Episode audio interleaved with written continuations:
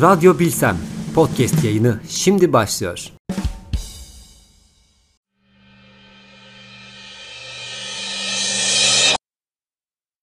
Merhabalar Bilsem Radyo. Bugünkü konuğumuz Karadeniz Teknik Üniversitesi İç Mimarlık Bölümü öğretim üyesi Sayın Doçent Doktor Şengül Yalçınkaya. Hoş geldiniz öğretmenim öncelikle. Hoş bulduk. Teşekkür ediyorum. Nasılsınız? Ben. Teşekkür ederim. Sen nasılsın? Ben de iyiyim. Sayın hocam isterseniz hemen sorularıma geçeyim. Evet. Ama öncesinde kendinizden kısaca bahsedebilir misiniz? Evet, e, Karadeniz Teknik Üniversitesi'nde eğitim hayatıma başladım ve orada akademisyen olarak devam ediyorum. E, mimarlık kökenliyim. Mimarlık bölümünü bitirdim ama iç mimarlık bölümünde e, çalışmaktayım. Ak- e, Çalışmalarıma ve araştırmalarıma e, iç mimarlık bölümünde devam ediyor. Peki akademisyen olduğunuzu söylediniz. Siz bir akademisyen olarak ne tür araştırmalar ve makaleler yazdınız? Kısaca bilgi verebilir misiniz? Tabii ki m, genel anlamda dönem dönem değişiyor ama yani e, yaklaşık 15-20 yıllık bir süreçten e, bahsettiğimizde e, şu ara ama daha çok çocuklar üstüne çocuk mekan çocukların e, mekanla ilgili şeylerine bakıyorum. Genel çerçevede ise çevre psikolojisiyle ilgili çalışmalar ve araştırmalar yapıyorum.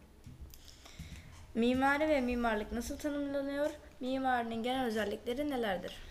Evet, e, bu soru aslında cevaplanması zor bir soru hazırlamışsınız. E, mimarlık insanlıkla var olmaya başlayan bir alan olduğu için süreçte anlamı ve içeriği, teknolojisi, yapımı değiştiği için ondan beklentiler de değiştiği için tanımı da buna bağlı olarak değişti. Günümüze geldiğimiz zaman e, birçok faktörden etkilendiği için ve onu yönlendiren ve kendisini yönlendirdiği şeyler farklı olduğu için hangi açıdan bakarsanız yani felsefi açıdan, siyasi açıdan, ekonomik açıdan bakarsanız, toplum ve sosyal açıdan bakarsanız tanımı değişecektir. Ama en öz tanımıyla fiziksel çevreyi organize eden bir meslek olarak tanımlayabiliriz. Peki mimarlık üzerinde estetik, sanat ve matematiğin nasıl bir etkisi var? Evet, estetik. Şöyle söyleyebiliriz ama şimdi estetik matematiği birlikte düşünelim. Yani on, onların düşünsel sisteminin mimarlığı tasarımına veya sürecine etkilediğini düşünebiliriz. Diğer sanatları sanatlarla da etkileşim içerisinde yani karşılıklı bir birbirlerini etkilediğini varsayabiliriz.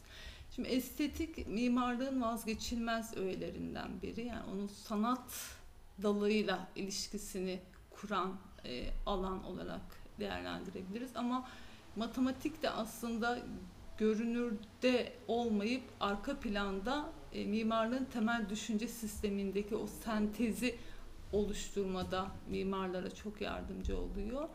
O yüzden e, her, her biri mimarlık hayatın içinde olduğu için her biri de e, mimarlığın içinde olan faktörler. Mimarlık ve mimarinin genel felsefesi hakkında neler bilmeliyiz? Mimarlığın felsefesi hakkında yani insanı merkeze alan bir dal olarak düşünebilirsiniz mimarlığı. E, çünkü canlı diyebiliriz çünkü canlılara da mekan tasarlıyor.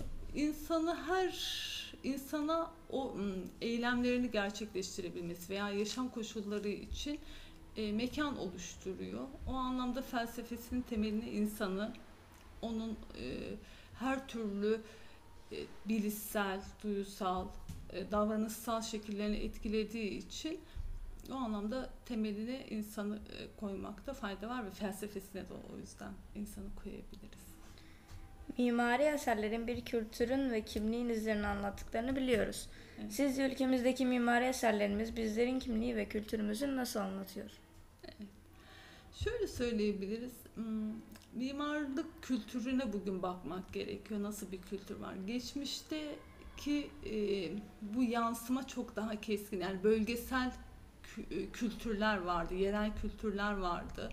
Ülke kültürleri daha baskındı. Yani bir Trabzon'un kendi içinde bile alt e, kültürlere rastlayabiliyorduk. Ama bugün dönüp baktığımızda bu iletişimdeki artma, teknolojik gelişmeler bu kültürü biraz tek teke doğru yönlendirdi. Yani bugün bir Amerika'daki bir kültürel öğeyi gelip e, Trabzon'da da görebiliyorsunuz. Haliyle bu tekleşme biraz o yansımayı da tek tipleştirdi. Yani mimaride de o çeşitlilik şimdi diyeceksiniz ki geleneksel konutta bir şeyler görüyorduk artık göremiyoruz veya Trabzon'da gördüğümüz bir yapıyı İstanbul'da da görüyoruz, yurt dışında da görüyoruz. İşte bu kültürün tekleşmeye başlaması e, mimarinin de haliyle bu kültürün içinde olduğu için etkilerini de göstermeye başlamıştır. Bir mimari eseri ya da müzeyi veya kültürel bir mekanı ziyaret ederken biz öğrencilere neler tavsiye edersiniz? Neler okumalıyız ve ön hazırlıklarımızı nasıl yapmalıyız? Evet, e, o müzeye ha- hangi amaçla gittiğimiz önemli aslında. Neyle karşılaşacağımız önemli. Genel anlamda müze yapılarına baktığımız zaman e, tarihi e, mekanlar da olabiliyor. Yani binanın fiziksel e, dış şeyi de e, tarihi bir döneme tanıklık eden yapı olabiliyor veya çok modern çizgilerde tasarlanmış daha güncel bir mimarisi de olabiliyor. İçindeki eserle mi ilgileniyorsunuz yoksa dışındaki kütleyle veya yapıyla mı ilgileniyorsunuz? Ve hangi sorunun cevabını aramaya oraya gittiniz? Yani turistik bir gezi için mi gittiniz yoksa oradaki bir öğeyle ilgili mi?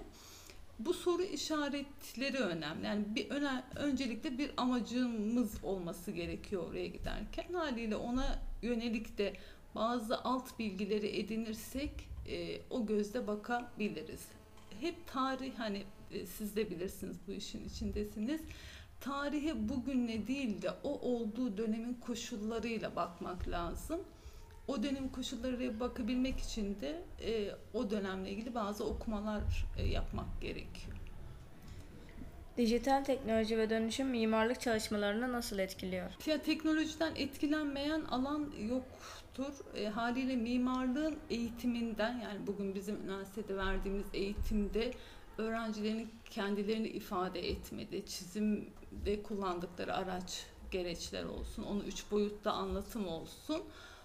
O noktalarda dahi yani eğitimin içinden ortaya koyacağınız mimari eserin yapımına kadar o bütün süreçte e, teknolojinin etkilerini görebiliyoruz. Yani bir duvar yüzeyinin tasarımına yansımaya başlıyor. Bir e, yapının e, bütün çizimleri ve üç boyutlu halini bilgisayarda oluşturabiliyorsunuz. Yeri geliyor o teknolojiyi kullanarak o ürünü üretebiliyorsunuz. O yüzden o yelpaze mimarlık alanına e, elini güçlendirdi teknolojik faktörler diyebilirim. Mimari alanda meslek seçmek isteyen öğrencilere neler önerirsiniz? Evet, okuması zor bir bölümdür.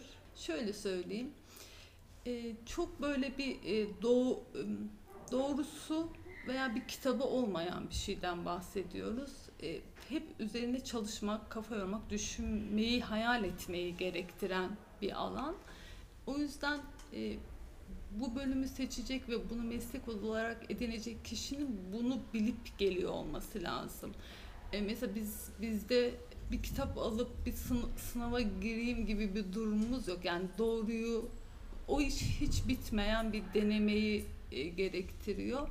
Bu nedenle bu bölümü veya bu mesleği tercih edecek kişinin öncelikle e, bu konuda bir araştırma yapıp kendisine uygun olup olmadığını bir bakması gerekiyor. Sürpriz olabilir sonu. Teşekkür ederim. Ben teşekkür ediyorum.